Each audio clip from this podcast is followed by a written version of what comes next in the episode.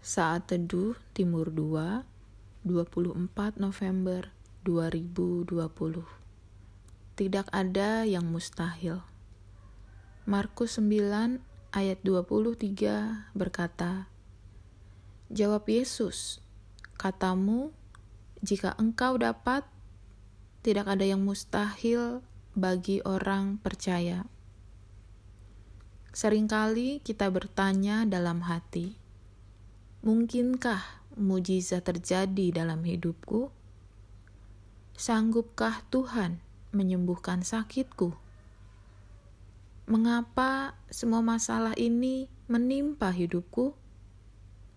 Sadarkah kita, bukankah hal ini menunjukkan bahwa kita belum mengenal siapa Tuhan kita, betapa besar dan hebat kuasanya? Sebagai orang percaya, kita patut bersyukur karena kita memiliki Tuhan yang hidup, yang tak terbatas, kuasa, dan maha sanggup. Karena kuasanya yang tak terbatas, tidak ada yang mustahil bagi dia. Ingat, kuasa Tuhan tidak pernah berubah. Kalau dahulu dia sanggup melakukan mujizat, hari ini juga dia tetap sanggup. Sebesar apa pun persoalan atau masalah yang kita hadapi, Tuhan sanggup menolong kita.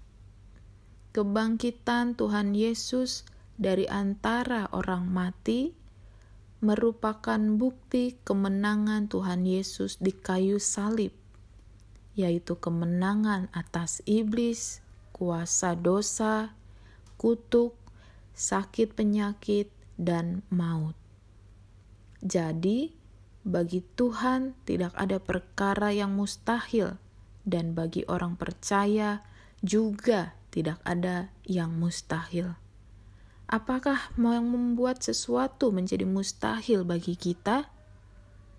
Selamat menikmati hari yang baru. Tuhan Yesus memberkati.